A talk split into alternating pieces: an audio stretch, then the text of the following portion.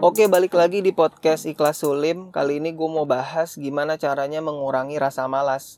Kenapa kok ada orang yang mageran banget, tapi di sisi lain ada orang yang termotivasi banget gitu hidupnya. Belajar semangat, baca lama gitu, dia betah lama-lama. Kegiatan-kegiatan yang sifatnya tuh berat, sifatnya orang males, tapi nih orang ngerjainnya enjoy, ngerjainnya tahan lama, ngerjainnya semangat, termotivasi gitu kan. Karena orang kebanyakan gini, kalau hiburan tahan lama, tapi kalau belajar atau pekerjaan yang sulit itu susah gitu. Kayak nonton bisa berjam-jam, main game bisa berjam-jam, nongkrong bisa berjam-jam gitu kan. Nah kali ini gue mau bagiin cara, tapi bukan cara yang mainstream gitu.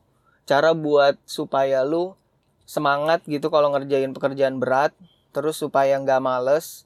Gue dapet dari channel YouTube-nya Better Than Yesterday. Cara ini berkaitan sama hormon dopamin hormon dopamin tuh hormon yang hormon di otak lu, hormonnya itu dirilis pas kita lagi ngelakuin aktivitas-aktivitas yang menyenangkan gitu. Even pas lu lagi kausan terus minum air, itu ada hormon dopamin yang dirilis. Tapi sayangnya hormon dopamin ini dirilis lebih banyak pas lu lagi ngelakuin aktivitas-aktivitas yang sifatnya hiburan. Kayak tadi main game, uh, scrolling sosial media, main internet, nonton YouTube, nonton Netflix, nongkrong, aktivitas-aktivitas kayak gitu ngerilis dopamin lebih banyak dibanding aktivitas kayak belajar, baca buku, dengerin podcast yang edukatif gitu. Bahayanya itu kalau level dopamin orang udah ketinggian. Jadi sayangnya di video itu gue lihat orang kalau udah keseringan main game, scrolling sosial media, aktivitas-aktivitas yang hormon dopaminnya dirilis lebih banyak, itu kalau udah kebanyakan itu jadi malas buat ngelakuin aktivitas yang dopaminnya rendah kayak baca buku belajar. Tentu belajar di sini nggak cuma belajar yang akademik doang yang non akademik juga termasuk belajar. Ngurus bisnis mungkin kalau lu punya bisnis jadi malas buat ngelakuin hal-hal kayak gitu. Contohnya kayak pecandu narkoba dopaminnya udah terlalu tinggi jadi susah buat adaptasi buat balik ke normal sama juga kayak orang kecanduan game, dopaminnya udah ketinggian, jadi nggak bisa enjoy buat ngelakuin aktivitas yang dopaminnya rendah. Jadi karena mereka tuh dopaminnya udah ketinggian, udah keseringan narkoba, udah keseringan main game, udah keseringan scroll sosial media berjam-jam, dopamin yang ngerilis, dirilis terus, akhirnya dopaminnya ketinggian, jadi nggak enjoy buat ngelakuin aktivitas yang dopaminnya rendah. Nah pertanyaannya, ada nggak cara buat mencegah itu? Atau cara supaya dopaminnya tuh nggak terlalu tinggi? Di video itu jawabannya dopamin detox alias dikurangin dopaminnya. Jadi lu bakal spend seharian dengan hiburan sesedikit mungkin bener-bener nggak ngelakuin aktivitas-aktivitas yang dopaminnya tinggi internet sosial media nonton uh, nongkrong gitu-gitu. Dan lu juga nggak boleh pakai gadget nggak boleh pakai internet nggak boleh makan junk food dalam seharian full itu Mungkin lu nanya, kok bisa dengan ngelakuin itu bisa nurunin dopamin dan ningkatin mood kerja terus ngurangin rasa malas. Nah, simpelnya begini. Kalau ada misalnya ada orang kaya nih, terbiasa sehari-hari makan mewah di restoran. Bener-bener tuh dia tiap hari udah udah emang standar dia tuh, standar dia tuh emang makan mewah di restoran. Makan mewah itu tuh udah jadi normal bagi dia. Nah mungkin kalau dia ditawarin nasi, dia nggak mau, dia nolak. Tapi kalau tiba-tiba dia terdampar di pulau terpencil, terus dia kelaparan, mungkin ditawarin nasi, dia mau. Ditawarin nasi dia oke-oke aja karena udah kelaparan di pulau terpencil. Kurang lebih dopamin detox bekerja kayak gitu. Jadi kayak menurunkan level kesenangan.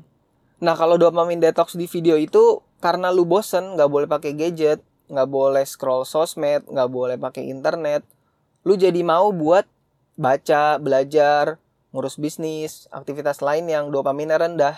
Tapi ini tentu setelah detox yang kesekian kali. Jadi karena udah detox sekian kali lu udah spend beberapa beberapa hari bener-bener nggak ngelakuin itu semua, dopamin lu jadi rendah. Istilahnya itu di video itu recovering dopamine receptor. Tapi kalau di awal lu dopamine detox itu nggak perlu terlalu ekstrim kayak bener-bener lu tiap hari kayak gitu, tiap hari bener-bener nggak ngelakuin aktivitas yang dopaminnya tinggi di awal lu nggak perlu se ekstrim itu di awal lu cukup spend seh sehari seminggu aja dalam sebulan. Jadi lu sebulan tuh empat hari atau empat kali seminggu sekali kan. Jadi tiap satu hari dalam satu minggunya lu spend buat dopamin detox. Nah mungkin setelah itu setelah lu udah ngelakuin itu satu bulan baru setelah baru setelahnya untuk hari-hari normal lu boleh ngelakuin hal-hal berdopamin tinggi tapi sebagai reward setelah nyelesain pekerjaan berat lu baru lu boleh lakuin hal-hal yang berdopamin tinggi jadi sebagai reward sebagai hadiah. Misal lu buat daftar aktivitas harian beres-beres kamar mau baca buku mau olahraga aktivitas yang dopamin rendah nih lu list. Baru setelah itu lu boleh ngelakuin aktivitas yang berdopamin tinggi setelah lu menyelesaikan aktivitas-aktivitas yang dopaminnya rendah itu. Lu set waktu misalnya habis baca buku satu jam baru gue boleh nonton YouTube 15 menit. Jadi rasio waktunya kan sejam sama 15 menit. Tapi ini rasio waktunya terserah lo. Menurut preferensi lo masing-masing aja. Jadi kesimpulannya sangat mungkin banget buat ngerjain pekerjaan berat tuh jadi enteng. Sangat mungkin buat ngilangin rasa malas. Sangat mungkin buat lebih termotivasi ngerjain hal-hal yang berat. Tapi kalau dopamin di otak lo kebanyakan, lu jadi nggak excited buat ngelakuin aktivitas yang nggak banyak merilis dopamin. Makanya itu dikurangin dulu dopaminnya, baru setelah itu lo bakal enjoy buat ngelakuin hal-hal berat. Jadi kalau lo punya masalah motivasi, ini boleh banget dicoba dopamin detox. Dan yang gue suka dari hal-hal kayak gini tuh, gue suka hal-hal yang solutif dan berdasarkan research gitu. Berdasarkan biologi tubuh manusia gitu. Jadi kan kayak keren aja gitu, bukan yang tips-tips kayak ngilangin males, tingkatin motivasi lah, uh, jangan males lah uh, ingat goals goals lu lah bukan bukan solusi-solusi yang apa ya solusi-solusi yang kalimat-kalimat basi gitu tapi cara kayak gini nih yang gue suka kalau lu penasaran sama videonya videonya itu judulnya How I Trick My Brain to Like Doing Hard Things dari channel YouTube Better Than Yesterday nanti linknya gue taruh di deskripsi kalau lo mau cek jadi tinggal lo klik aja Oke mungkin segitu dulu episode kali ini. Semoga bermanfaat. Semoga lu suka. Semoga lu bakal nyoba dopamin detox. Sekian dari gua. Kurang lebihnya mohon maaf. Sampai jumpa di next episode. Thank you.